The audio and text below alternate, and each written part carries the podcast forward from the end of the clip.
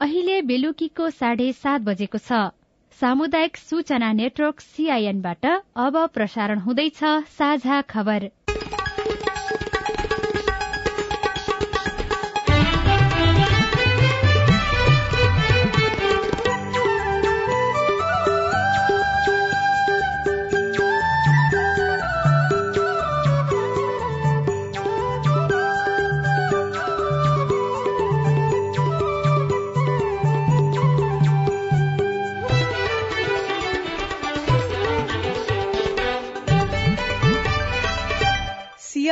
साझा खबरबाट स्नेहा कर्णको नमस्कार। साझा खबर देशभरिका सामुदायिक रेडियो सीआईएन खबर डट कम र मोबाइल एप सीआईएनमा पनि सुन्न सकिन्छ।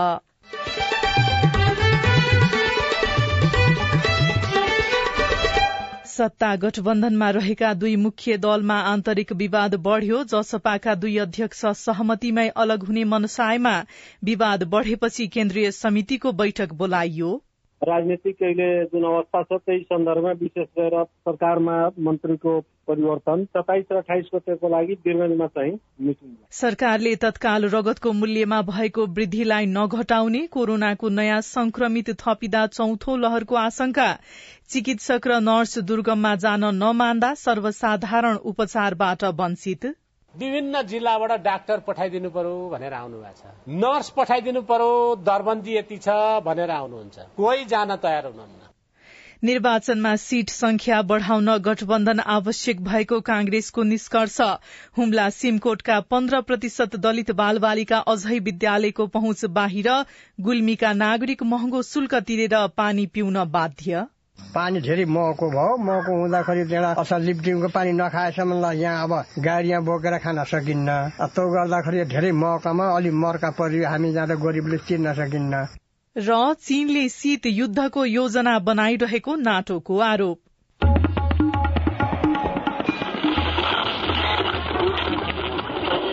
सयौं रेडियो।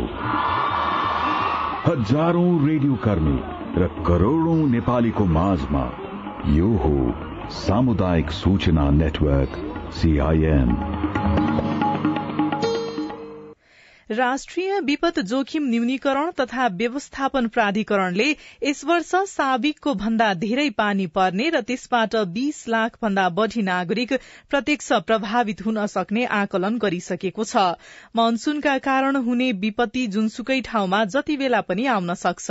त्यसैले यसबाट हुन सक्ने क्षति कम गर्न तयारी अवस्थामा बस्ने राहत तथा उद्धारका सामग्रीहरू तयारी अवस्थामा राख्ने प्राथमिक उपचारका लागि आवश्यक औषधिदेखि आवश्यक रकम र हेलिप्याडसम्मको व्यवस्था गर्नुपर्छ। यसका लागि स्थानीय सरकार बढ़ी सतर्क हुनु आवश्यक पनि छ। अब खबर अविनाश आचार्यबाट। सत्ता गठबन्धनमा रहेका मुख्य दुई दल नेकपा एकीकृत समाजवादी र जनता समाजवादी पार्टीभित्र विवाद बढ़न थालेको छ। संघ र प्रदेशको चुनावको समय नजिकिँदै गएको बेला यी दुई दल मा आन्तरिक विवाद बढ़न थालेको हो। पार्टीमा रहेका नेता र अध्यक्ष बीच विचार नमिलेपछि जनता समाजवादी पार्टी जसपा नेपाल फोटको संघारमा पुगेको छ। पछिल्लो समय दुई अध्यक्ष बीच आरोप प्रत्यारोप चलिरहेको थियो। पार्टीभित्रको विवाद बढ़ेपछि जसपाले केन्द्रीय समितिको बैठक बोलाएको छ असार सत्ताइस र अठाइसमा बैठक बोलाइएको जसपाका केन्द्रीय समिति सदस्य प्रमोद गुप्ताले सीआईएनलाई जानकारी दिनुभयो। सत्ताइस र अठाइस गतेको लागि चाहिँ मिटिङ राजनीतिक अहिले जुन अवस्था छ त्यही सन्दर्भमा विशेष गरेर सरकारमा मन्त्रीको परिवर्तन र पार्टीमा केही देखिएका गतिविधिहरूको सन्दर्भमा हो। विशेष गरी जसपा भित्र जुन पछिल्लो समय दुई अध्यक्ष बीचको विवाद देखिएको छ नि त्यसले जसपा फुट्नै लागेको हो भनेर हामीले बुझ्न मिल्छ? अब यो लोकतान्त्रिक प्रक्रिया हो अब चित नबुझेपछि चाहिँ निश्चित रूपमा अध्यक्षमाथि अथवा संघीय परिषदका अध्यक्षमाथि प्रश्न चिन्ह खडा हुन सक्छ। यदि लोकतन्त्रको विश्वास गर्छौँ भने त्यो कार्य हुनै पर्छ। कसैको डिक्टेक्टर व्यक्तिगत रूपमा कसैको डिक्टेक्टर लिएर पार्टी चल्दैन। अब यसमा म यो भन्दिनँ कि हाम्रो अध्यक्ष उपेन्द्र यादव अथवा संघीय परिषद अध्यक्ष बाबुराम भट्टराई उहाँहरू गलत नै हुनुहुन्छ अथवा सही नै हुनुहुन्छ भने ट्याक्क भन्न सक्ने अहिले अवस्था छैन। महन्त ठाकुरले अलग पार्टी बनाएको नौ महिनामा भट्टराईको पनि भट्टराई पनि पार्टीबाट बाहिरिने निश्चित भएपछि जसपाले केन्द्रीय कमिटी बैठक बोलाएको हो। चुनावको समय नजिकिँदै जाँदा सरकारमा रहेका दुई मुख्य दलले दलको आन्तरिक विवादले कस्तो असर पार्छ? एकजना राजनैतिक क्षेत्रका जानकार पुरञ्जन आचार्य भन्नुहुन्छ। एकै ठाउँमा बसेर पनि मिल्न सक्ने सधैँ कचकच गर्ने सधैँ झगडा गर्ने तेरो बहुमत पुगाउने कि मेरो बहुमत पुग्ने कि र मिलेर छुट्टिने बाटोलाई चाहिँ उनीहरूले चाहिँ स्वीकारे। त्यसले चाहिँ जनमतमा असर गर्छ आम जनतामा चाहिँ असर गर्छ। त्यसको असर त जहाँ जहाँ पर्नुपर्ने हो जहाँ जहाँ उहाँहरूको शक्ति छ जहाँ जहाँ उहाँहरूले सत्ता लिनुभएको छ त्यहाँ त्यहाँ चाहिँ केही न केही असर त गरिहाल्छ। निसन्देह गर्छ। तर अब धेरै टाइम नभएको हुनाले त्यो अन्डरस्ट्यान्डिङ त गर्न पनि सक्छन्। किनभने अब प्रदेशको र सङ्घको निर्वाचन त आइदिइसक्यो। छ महिनाभित्र त दुइटा अब हुनैपर्छ त्यसले गर्दाखेरि भइहाल्यो छ महिनाको लागि नचलाउँ भनेर भन्ने सोच। अब त्यसको चाहिँ उदार सोच चाहिँ अब नेपालको नेताहरूबाट आश त गरिँदैन। तर पनि अब धेरै समय नभएको हुनाले आशा त गर्न सकिन्छ। तर देखिन्छ के भने ग्राउन्डमा चाहिँ यिनीहरूको अब तीव्रता बढ्ने कार्यकर्ताहरू छुट्टिने सरकारलाई चाहिँ असर गर्ने स्थानीय निकायकैमा पनि असर गर्न सक्ने सम्भावनाहरू बढ्न गर्छ। सत्तामा रहेका दलका शीर्ष नेताहरूले आगामी निर्वाचनसम्म गठबन्धन टिकाइरहने बताउँदै आएका छन् तर दलहरूबीचको आन्तरिक विवादले गठबन्धनको भविष्य खतरामा देखिएको जानकारहरू बताउँछन्। आगामी निर्वाचनका लागि साउन मशान्तभित्र विद्युतीय मतदान यन्त्रको व्यवस्था गरिदिन निर्वाचन आयोगले सरकारसँग आग्रह गरेको छ। आयोगको सो सम्बन्धी अध्ययन प्रतिवेदन गृह मन्त्रालय मार्फत मन्त्री परिषदमा पेश गर्दै आगामी निर्वाचनमा विद्युतीय मतदान गर्ने भए साउनभित्र मतदान यन्त्र उपलब्ध गराइदिन आग्रह गरेको आयोगका प्रवक्ता शालिग्राम शर्मा पौडेलले सीआईएनसँग बताउनुभयो। विद्युतीय मेसिनको प्रयोग आजको माग हो। र आयोगले यसै सन्दर्भमा एउटा उच्च स्तरीय समिति पनि गठन गरेको थियो यसको स्टडी गर्नका लागि। त्यसले पनि रिपोर्ट दिएको छ। त्यो रिपोर्ट समेत संलग्न गरेर अब यदि स्वदेशमा मेसिन प्राप्त नहुने भएदेखि अब हामी निर्वाचनको सङ्घारमा पनि छौँ। यथाशक्य छिटो साउनभित्रमा इभिएम मेसिन आएन भनेदेखि त्यो इभिएम मेसिनको लागि गर्नुपर्ने थप चाहिँ तयारी त्यसको चाहिँ नि ट्रेनिङ र त्यसको चाहिँ नि देशभरिको मतदाता शिक्षा त्यो त नयाँ पद्धति हुन्छ अहिलेको पद्धतिभन्दा फरक हुन्छ। यो कारणले गर्दा समयमै आयोगले सरकारलाई यसको आवश्यक तयारी आवश्यक उपलब्धता लगायत यसको प्रमाणीकरणका विषयहरूमा व्यवस्थापन गरिदिने सरकारलाई अनुरोध गरेको दुई हजार चौसठी सालको संविधान सभा निर्वाचनमा आयोगले छवटा निर्वाचन क्षेत्रहरूमा विद्युतीय मतदान यन्त्रको प्रयोग गरेको थियो। दुई हजार एकात्तरको संविधान सभा उपनिर्वाचनमा बर्दिया बागलुङ काठमाडौँ कैलाली लगायत पाँचवटा निर्वाचन क्षेत्रहरूमा पनि विद्युतीय मतदान यन्त्रको सफल प्रयोग गरिसकिएको छ। स्वास्थ्य तथा जनसंख्या मन्त्री भवानी प्रसाद खापुङले चिकित्सकहरू र नर्सहरू दुर्गममा जान नमानेका कारण त्यहाँका नागरिक उपचार सेवाबाट वञ्चित हुने गरेको बताउनु भएको छ। मन्त्री नियुक्त भएको केही दिनमै विभिन्न जिल्लाबाट स्वास्थ्य कर्मी पठाइदिन आग्रह आएको भन्दै उहाँले सरकारले दुर्गम र अन्य क्षेत्रका गाउँमा चिकित्सक र नर्सलाई पठाउन समस्या भइरहेको स्वीकार्नुभयो। संघीयता कार्यान्वयनका क्रममा भएको समायोजन प्रक्रियामा समेत समस्या रहेको भन्दै मन्त्री खापुङले ग्रामीण क्षेत्रमा स्वास्थ्य कर्मीको अभाव भइरहेको बताउनुभयो। हामी गाउँ क्षेत्रमा डाक्टर पठाउनै सक्दैनौ नर्स पठाउन सक्दैनौ। कुनै क्षेत्रमा काम गर्न योग्य नर्स अथवा कोही पनि प्राविधिक कुनै पनि ठाउँमा जान मानसिकता चाहिँ बनाउँदा राम्रो हुन्छ कि जस्तो लाग्छ है? त्यो बनाउन सक्यो भने मात्रै त्यो सेवा पनि पुग्छ। सरकारले दुर्गम र ग्रामीण क्षेत्रमा जाने स्वास्थ्य कर्मीका लागि विशेष सेवा सुविधा उपलब्ध गराउँदै आए पनि समस्या समाधान हुन सकेको छैन। बागमती प्रदेश सरकारले आगामी आर्थिक वर्ष दुई हजार उना अस्सी अस्सीको बजेट प्रदेश सभाबाट बहुमतले पारित गरेको छ।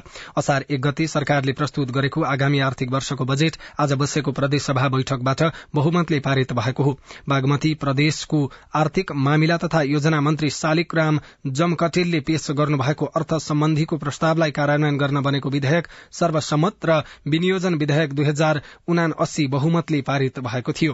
यसैबीच सुदूरपश्चिम प्रदेश सरकारले असार एक गते ल्याएको बजेटमाथिको छलफलका लागि आज बोलाएको बैठक स्थगित भएको छ। कार्यव्यवस्था परामर्श समितिको बैठकमा सत्ता पक्षकै सांसदहरूले आक्रोश व्यक्त गरेपछि प्रदेशसभाको बैठक अनिश्चितकालसम्मको लागि स्थगित गरिएको प्रदेशसभा सचिवालयका सचिव देव बहादुर बोगटीले जानकारी दिनुभयो। यस्तै मध्य प्रदेश सरकारले ल्याएको आर्थिक वर्ष दुई हजार उना अस्सी अस्सीको बजेटमाथि छलफल गर्न प्रदेशसभाको बैठक बोलाइएको छ। प्रदेशसभा सचिवालयले असार बीस गते दिउँसो एक बजेका लागि बैठक बोलाएको हो।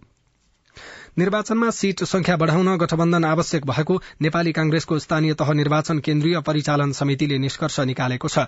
उपसभापति पूर्ण बहादुर खड्काको नेतृत्वमा रहेको निर्वाचन परिचालन समितिले तयार पारेको प्रतिवेदनमा स्थानीय चुनावमा गठबन्धनले कार्यकर्ता र उम्मेद्वार स्वयंलाई मानसिक रूपमा बलियो बनाएको उल्लेख गरिएको छ।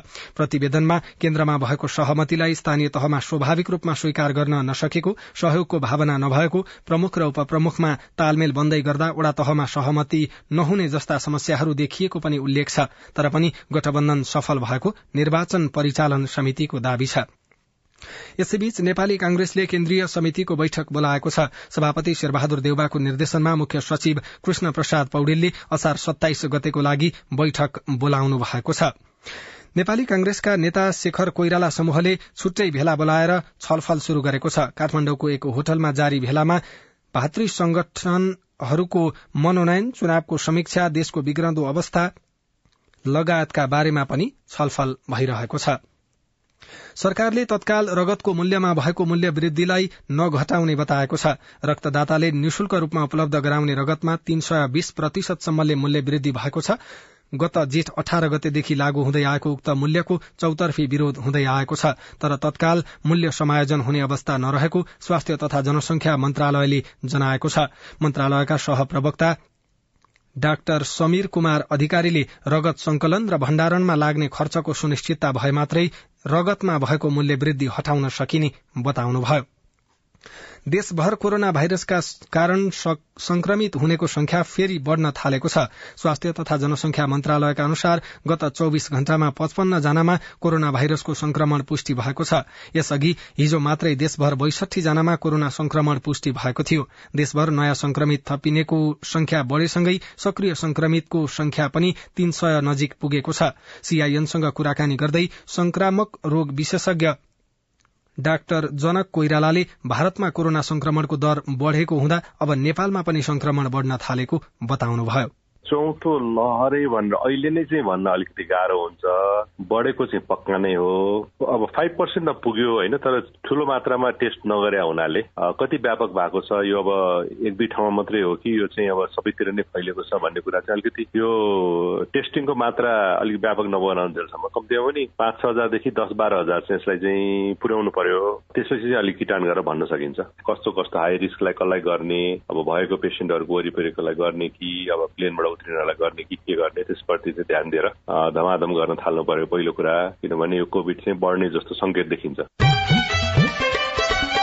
साझा खबरमा अब विदेशका खबर पश्चिममा मुलुकहरूको सैन्य संगठन नाटोले चीनले शीत युद्धको योजना बनाइरहेको आरोप लगाएको छ।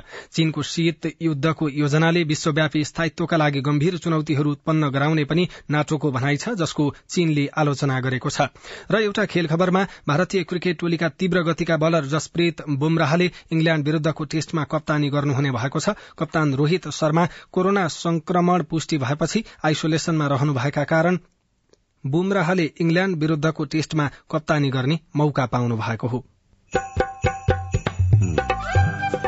अविनाश आचार्य।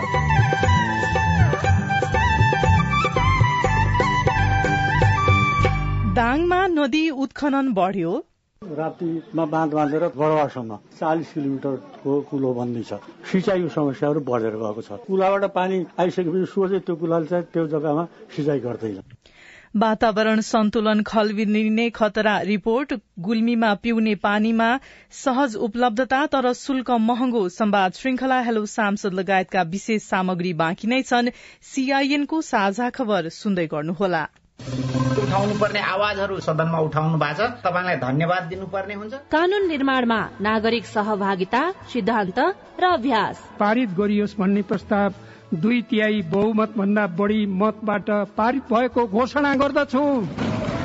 कानून कार्यान्वयनमा सांसद र संसदको जवाफदेहिता। र जिल्लाको र समग्र मुलुकका चाहिँ सवालहरूलाई संसदमा उठाउने सवालहरूमा म आफूले सशक्त ढंगले भूमिका खेले भन्ने लाग्छ। संसदीय प्रक्रियामा जनता र सरकारवाला निकायको नजर। युवाको क्षेत्रमा त्यति धेरै काम भएको छैन। युवालाई चाहिँ ओजरमै राखेर अहिले काम भइरहेको छ। युवाहरूलाई चाहिँ रोजगारीमा जोड्नुपर्छ भनेर अहिले केही कार्यक्रमहरू पनि सञ्चालन गरेका छौं। जनतादेखि नेतासम्म नीतिदेखि नेतृत्वसम्म युवा सीमान्तकृत वर्ग जाति अल्पसंख्यकका सवालहरू। जनताको कुरा राख्ने ठाउँ संसदै हो। हामी कार्यपालिका होइन व्यवस्थापिका हो नीति निर्माण गर्ने हो। अब सवाल मात्रै होइन जवाबसँगै देखिन्छ प्रभाव पनि।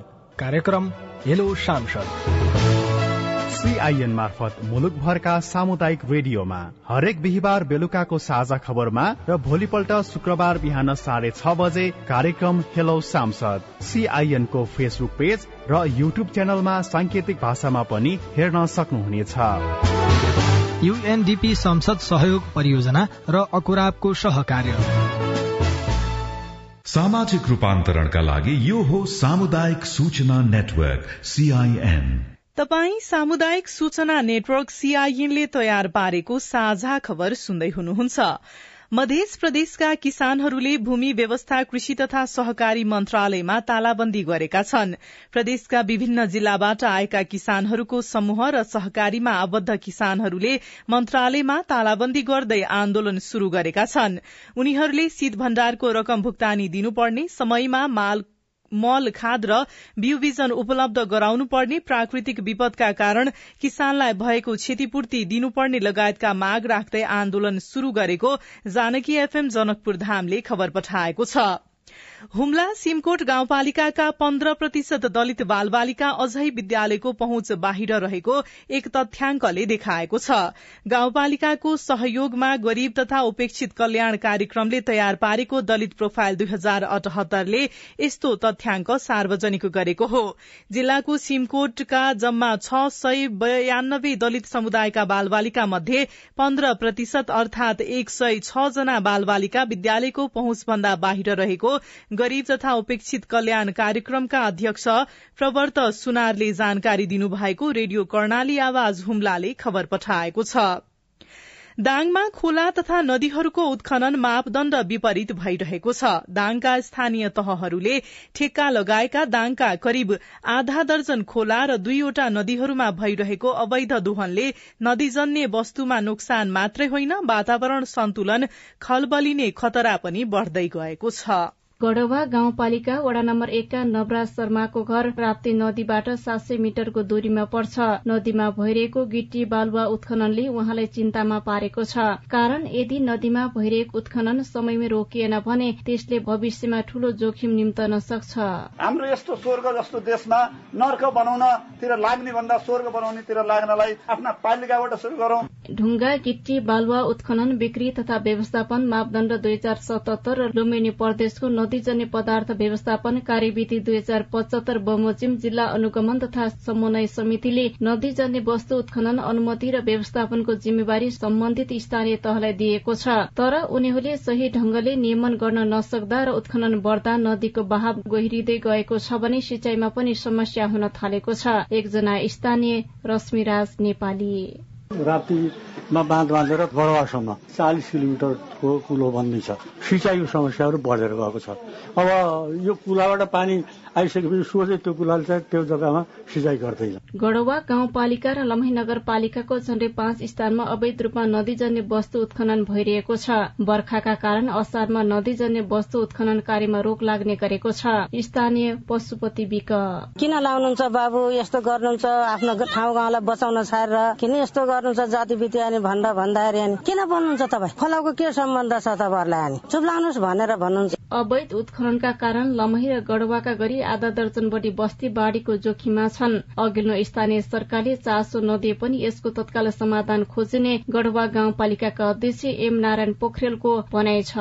अब यो राप्ती नदी जुन छ अब हामीले चाहिँ यसलाई एक प्रकारले सही सदुपयोग गर्न सक्दा यो हाम्रो लागि वरदान। यसलाई हामीले चाहिँ सही संरक्षण गर्न नसक्ने यसको सही सदुपयोग गर्न नसक्दाखेरि यो हाम्रो लागि अभिशाप हुने खतरा पनि भएको हुनाले अब यसलाई हामीले कसरी संरक्षण गर्ने त्योबाट लाभ लिने भन्ने कुरामा अलिकति विस्तृत चाहिँ हामीले छलफल गरेर त्यो सम्बन्धी अब निर्णय गर्न पर्नेछ। अवैध रूपमा भइरहेको नदी र खोलाजन्य वस्तुको उत्खननका कारण समग्र वातावरणमा समस्या उत्पन्न हुन थालेको छ। सुशीला ओली सीआईएन रेडियो मध्यपश्चिम दाङ। दाङका नदी दोहन हुने क्रम बढ़ेपछि नागरिक चिन्तित छन्। लुम्बिनी प्रदेशकै जिल्ला गुल्मीमा भने पानीको उपलब्धतापछि नागरिक खुशी त छन् तर महँगो शुल्क तिर्नु पर्दा समस्या भइरहेको छ। स्थानीय लिफ्टिङ खानेपानी आयोजनाले पानीको सुविधा दिए पनि विपन्न परिवारलाई आर्थिक बोझ थपिएको छ। रेसुङ्गा नगरपालिका चार अर्खलेका तुलसीराम विक पैसठी वर्ष पुग्नुभयो। बुढेसकालमा घरमै आएको धाराले उहाँलाई खुशी त दिएको छ तर आर्थिक भार पनि थपिएको छ। पानी धेरै महँगो भयो। महँगो हुँदाखेरि त्यहाँ असल लिप्टिङको पानी नखाएसम्म यहाँ अब गाडी यहाँ बोकेर खान सकिन्न। त्यो गर्दाखेरि धेरै महँगामा अलिक मर्का परि हामी जाँदा गरिबले चिन्न सकिन्न। अर्खलेका तेत्तिस घर धुरीलाई लिफ्टको पानी महँगो परेको छ। दुई वर्ष अघि प्रदेश र संघ सरकारको त्रिपन्न लाख आर्थिक सहयोगमा रैदी पाण्डे भण्डारी लिफ्ट खानेपानी आयोजना सम्पन्न भएको थियो। स्थानीयले पिउने पानी उपभोगका लागि पाँच युनिट बराबर महिनाको दुई सय पचास रूपियाँ तिर्दै आएका छन्। अर्का स्थानीय विश्वराज खनाल। साना गरिब दुखी गरिबलाई अब चाहिँ साह्रै गाह्रो भएको छ सञ्चालन तथा मर्मत सम्मारका लागि भन्दै खानेपानी आयोजनाले स्थानीयसँग महँगो शुल्क लिने गरेको छ। उपभोक्ता समितिका अध्यक्ष चुडामणी भण्डारी भने सरकारले विद्युत महसुलमा छुट दिनुपर्ने बताउनुहुन्छ। उपभोक्ताबाट ढाई सय लिँदाखेरि महँगो भयो भन्ने कुरो आइराखेको छ अब विद्युत महसुल तिर्दाखेरि झन् महँगो छ। अब महिनाको उठ्ने भनेको हाम्रो नौ हजार साढे नौ हजार हो सत्र हजार रुपियाँ हामीले मार्सी बुझाइराखेका छौँ। खानेपानीका लागि महँगो शुल्क तिर्ने स्थानीयलाई स्थानीय सरकारले कसरी सम्बोधन गर्छ?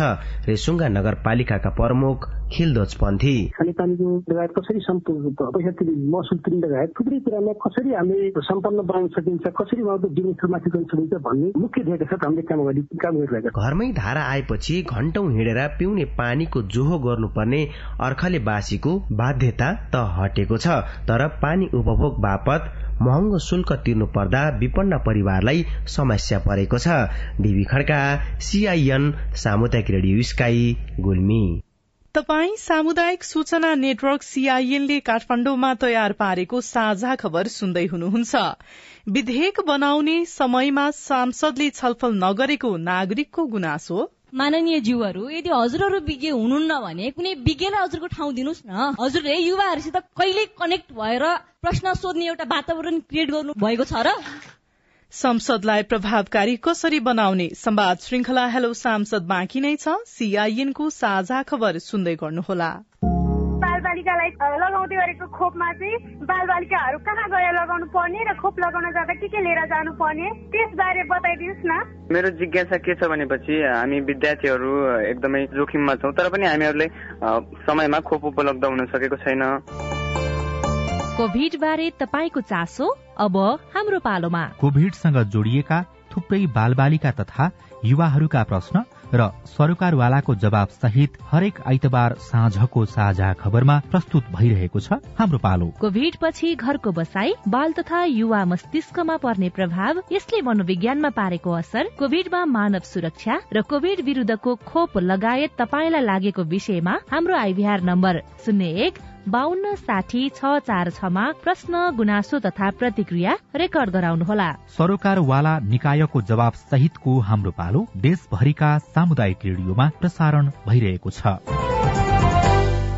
सामाजिक रूपान्तरणका लागि यो हो सामुदायिक सूचना नेटवर्क सीआईएन तपाई सामुदायिक सूचना नेटवर्क सीआईएनले काठमाण्डुमा तयार पारेको साझा खबर सुन्दै हुनुहुन्छ। अब प्रस्तुत छ संवाद श्रृंखला। हेलो सांसद। नमस्कार। हेलो सांसदमा स्वागत छ।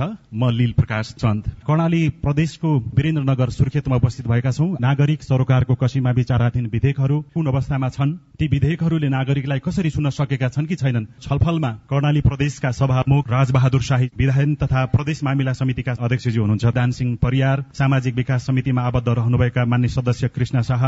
कर्णाली प्रदेश सभाको सदस्य तथा अर्थ तथा प्राकृतिक स्रोत समितिका सदस्य पनि उहाँ हुनुहुन्छ र पूर्व मन्त्री दल रावल र अरू विभिन्न विभिन्न सरकारवाला निकायका व्यक्तित्वहरू यो छलफलमा उपस्थित हुनुभएको छ। यहाँहरू सबैजनालाई हेलो सांसदमा हार्दिक स्वागत गर्दछु।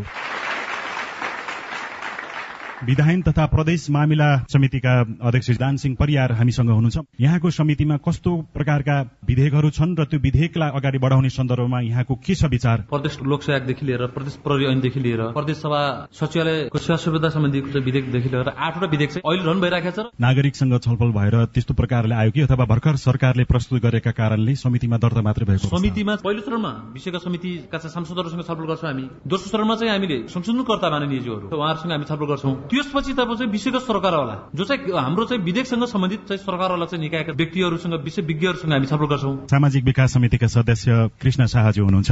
विधेयकहरूको स्थिति कस्तो अवस्थामा छ त्यसबारेमा जानकारी दिनको लागि म यहाँलाई अनुरोध गर्दछु। सामाजिक विकास समितिका बैठक एक सय चारवटा हामीले बसेका छौँ। आएका विधेयकहरू मध्ये छवटा पास भएका छन्। विचाराधीन विधेयकहरू जम्मा चारवटा छन्। त्यसमा छलफल चलिराखेको छ। मान्य दल राहुलज्यू पूर्व मन्त्रीको रूपमा पनि रहनुभयो र चार वर्ष बितेर पनि अब पाँचौँ वर्षमा लाग्ने बेला भइसक्यो। पाँच छ महिना मात्रै अवधिको हिसाबले त्यति बाँकी छ तर त्यो बिचमा फेरि के हुन्छ स्थिति थाहा छैन। विधेयक निर्माण प्रक्रियामा यहाँको अनुभवले एउटा सांसदको रूपमा पनि हुनुहुन्छ। आफ्नो अनुभव पनि यहाँले बाँडिदिनु हुनुको लागि म अनुरोध गर्दछु। प्रदेश सभामा अहिलेसम्म अठहत्तरवटा विधेयकहरू दर्ता भएका रहेछन्। त्यसमा आठवटा अध्यादेश रहेछन् चौवालिसवटा पास भएका छन् एघारवटा समितिमा छलफलमा छन् एउटा हाउसमा विचाराधीन छ आठवटा विधेयकहरू फिर्ता भएका रहेछन्। एउटा त यहाँले नै प्रस्तुत गरेको फिर्ता भयो र पहिलो विधेयक पनि सम्भवतः यहाँले कर्णाली प्रदेशमा पेश गर्नुभयो। आर्थिक कार्यविधि यसलाई पहिलो नमान्ने हो भने विषयगत मन्त्रालयको विधेयकमा मैले पहिलो विधेयक दुई हजार चौहत्तर मङ्सिर छ गते मन्त्री भइसकेपछि दुई हजार चौहत्तर चैत छब्बिस गते। पहिलो एउटा विधेयक चाहिँ प्रदेश सभामा हामीले दर्ता गरेका थियौँ सामाजिक विकास मन्त्रालयको तर्फबाट। धेरै धन्यवाद छ। हात त धेरै उठेको छ तर सुरुमा यहीँबाट गरौँ उहाँको त्यसपछि हामी पछाडितिर जाउँ। है पालै पालो। मेरो नाम चाहिँ कृतिका ढुङ्गाना हो र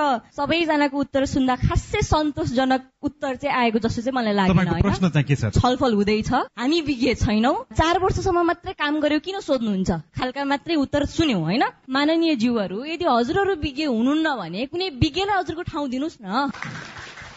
हजुरले युवाहरूसित कहिले कनेक्ट भएर प्रश्न सोध्ने एउटा वातावरण क्रिएट गर्नु भएको छ र? मेरो साथीले भनेर मात्रै म यहाँ आएँ। नत्र त मलाई के पनि थाहा थिएन। भनेपछि प्लेटफर्म क्रिएट कहिले गर्ने? म सोमना खड्का कर्णाली प्रदेश नेत्रहीन संघको तर्फबाट। यति धेरै विधेयकहरू निर्माण हुन्छन् यति धेरै विधेयकहरू पारित हुने बेलासम्म हामी जस्तो वर्गलाई चाहिँ किन समेटिन्न। अपाङ्गता संरक्षण ऐन दुई हजार चौरात्तर आइसकेपछि प्रादेशिक स्तरमा लागू गर्नका लागि के कस्ता आधार स्तम्भहरू तय गर्नु भएको छ? बिन्ता बोगटी म मध्यपश्चिम विश्वविद्यालयमा कानून विषयमा अध्ययनरत छु के भन्न चाहन्छु भने हाम्रो माननीय दानसिंह परिवारज्यूलाई तपाईँ चाहिँ सदनमा होस् वा सडकमा कडा रूपमा चाहिँ एकदमै धेरै प्रस्तुत गरेको देखिन्छ। तपाईँले विधायन समितिको अध्यक्ष भएदेखि लामो समय नै बैठक बसाल्न चाहिँ नसकेको पनि अवस्था रहेको छ। समितिमा बसेर जोस र जागरलाई लागू गर्ने भन्ने चाहिँ मेरो प्रश्न रहेको छ। धन्यवाद। मेरो नाम माया पौडेल। म चाहिँ mid western university school of Lama second सेमेस्टरमा अध्ययन मेरो प्रश्न चाहिँ माननीय दानसिंह परिवारज्यूलाई रहेको छ। तपाईँ आफै कानूनको विद्यार्थी भन्नुहुन्छ अनि कानूनको विद्यार्थीका लागि केही कदम चाल्नु भएको छ? कृपया यहाँहरूले एकैछिन धैर्यतापूर्वक सुनिदिनु होला। सामाजिक विकास समितिको सदस्यज्यू हुनुहुन्छ जति पनि प्रश्नहरू आए यसको सप्रसङ्ग व्याख्या गर्न थालियो भने समयले पुग्दैन। यो सुनिसकेपछि तपाईँको तर्फबाट अब प्रतिबद्धता के हो? जुन प्रकारबाट प्रश्नहरू सोध्नु भएको छ यो हाम्रो लागि शिक्षा बनेको छ। ठाउँ दिएन प्लेटफर्म खै हामीलाई सहभागी गराइएन भन्नुभएको छ। त्यो कुरा पनि स्वाभाविक छ। जति समितिले पास गर्यो विधेयकहरू ती सबैमा तपाईँहरूलाई सहभागी गराउन नसके पनि कर्णाली प्रदेश सहकारी ऐन दुई हजार पचहत्तरलाई हामीले मुगुमा लगेका थियौँ। त्यहाँको सामान्य जनताहरूसँग सरकारवाला व्यक्ति सबैसँग हामीले व्यापक छलफल गरेर उहाँहरूले दिएका सुझावहरूलाई ल्याएर हामीले राखेका छौँ। खाद्य अधिकार तथा सम्पूर्णता सुनिश्चित गर्न बनेको विधेयक दुई हजार पचहत्तरलाई पनि रुकुम त्यसपछि गएर मुगुमा लगेर त्यहाँका सामान्य जनसमुदायहरूसँग होइन छलफल गरेर उहाँहरूका दिएका एकदम महत्वपूर्ण विषयहरूलाई हामीले समेटेर राखेका छौँ। तपाईँहरूले एउटा शिक्षा दिनुभएको छ कि हामीले यो विधेयकहरू बनाउँदाखेरि आम रूपमा विद्यार्थी बुद्धिजीवी आम नागरिकसम्म लैजानुपर्छ भन्ने हामीलाई अनुभूति नभइकन त हामी मुगु हुम्ला डोल्पासम्म त पुगेनौँ। अझ विशेष गरी यहाँहरूले चाहिँ त्यो अनुभूति गराइदिनु भएको छ। आगामी विधेयकहरूलाई होइन यहाँहरूसम्म लिनेछौँ र यहाँहरूको सल्लाह सुझाव सहित हामीले विधेयकहरूलाई अगाडि बढाउन र पूर्णता दिन हाम्रो भूमिका रहनेछ भन्ने मैले प्रतिबद्धता व्यक्त गर्न चाहन्छु। धेरै धन्यवाद। म अब लाग्छु विधायन समितिका अध्यक्षज्यू। विशेष गरी यहाँले समितिको बैठक बोलाउनुहुन्छ तर आफै पनि सहभागी हुनुहुन्न भन्ने कुरा पनि सुनिराखेका छौँ। समितिको अध्यक्षको रूपमा यहाँको प्रतिबद्धता के छ? आजको छलफललाई मैले विशेष उपलब्धिकै रूपमा मैले बुझेको छु। मेरो समिति किन निष्क्रिय भयो भने त्यसको चारवटा परिस्थिति भयो। म चाहिँ समितिको विधेयकको सभापति भइसकेपछि छ महिनासम्म एउटा पनि विधेयक थिएन मेरो समितिमा। पार्टी विभाजन नेकपा चाहिँ विभाजन हुँदाखेरि त्यसको राजनीतिक प्रभाव चाहिँ प्रत्यक्ष समितिमा पर्यो मेरो समितिमा रहेका छजना माननीय भित्र तिनजना माननीय चाहिँ मन्त्री हुनुभयो। स्थानीय तहको चुनाव आयो? सबै माननीय जिल्ला केन्द्रित हुनुभयो। मेरो समितिमा रहेका चाहिँ पाँच छवटा जुन विधेयकहरू छ मैले जसरी पनि त्यो चाहिँ विधेयक पास गराउँछु शोभामुखज्यू समितिहरू आफै समस्यामा रहेछन्। छोटकरीमा आफ्नो विचार राखिदिनुको लागि म अनुरोध गर्दछु। पर्याप्त रूपमा कोसिस गरिरहेछ प्लेटफर्म सिर्जना गर्नलाई। त्यसको एउटा उदाहरण यो आजको पनि हो। जनतासँग सभामुख भन्ने कार्यक्रममा हामीले विभिन्न जिल्लामा गर्यौं प्रश्न गर्नलाई नै त्यो सिर्जना गरिएको हो। अहिले जनतासँग प्रदेश सभा भनेर कार्यक्रम गरेका छौँ। प्रदेश सभामा दुई दिन सर्वसाधारणका लागि खुल्ला गरेका छौँ। हिजो मात्रै हामीले एउटा एप्लिकेसन लन्च गरेका छौँ कर्णाली प्रोभिन्स एसेम्बली भनेर। एप्समा हाम्रा सबै गतिविधिहरू अपडेट छन्। त्यसमा पनि प्रश्न गर्ने ठाउँ राखेका छौँ हामीले। संवाद श्रृंखला हेलो सांसदको विस्तृत कुराकानी भोलि बिहान साढे छ बजेको कार्यक्रम हेलो सांसदमा प्रसारण हुनेछ। सुन्ने प्रयास गर्नुहोला। सत्ता गठबन्धनमा रहेका दुई मुख्य दलमा आन्तरिक विवाद बढ़न थालेको छ। विवाद बढ़ेपछि जसपाले केन्द्रीय समितिको बैठक बोलाएको छ। सरकारले तत्काल रगतको मूल्यमा भएको वृद्धिलाई नघटाउने भएको छ। निर्वाचनमा सीट संख्या बढ़ाउन गठबन्धन आवश्यक भएको कांग्रेसले निष्कर्ष निकालेको छ र चीनले शीत युद्धको योजना बनाइरहेको नाटोले आरोप लगाएको छ। हवस् त। आजलाई साझा खबरको समय सकियो। प्राविधिक साथी सुरेन्द्र सिंहलाई धन्यवाद। भोलि असार सत्र गते बिहान छ बजेको साझा खबरमा फेरि भेटौंला। अहिलेलाई स्नेहा कर्ण पनि विदा हुन्छु। नमस्कार। शुभरात्री।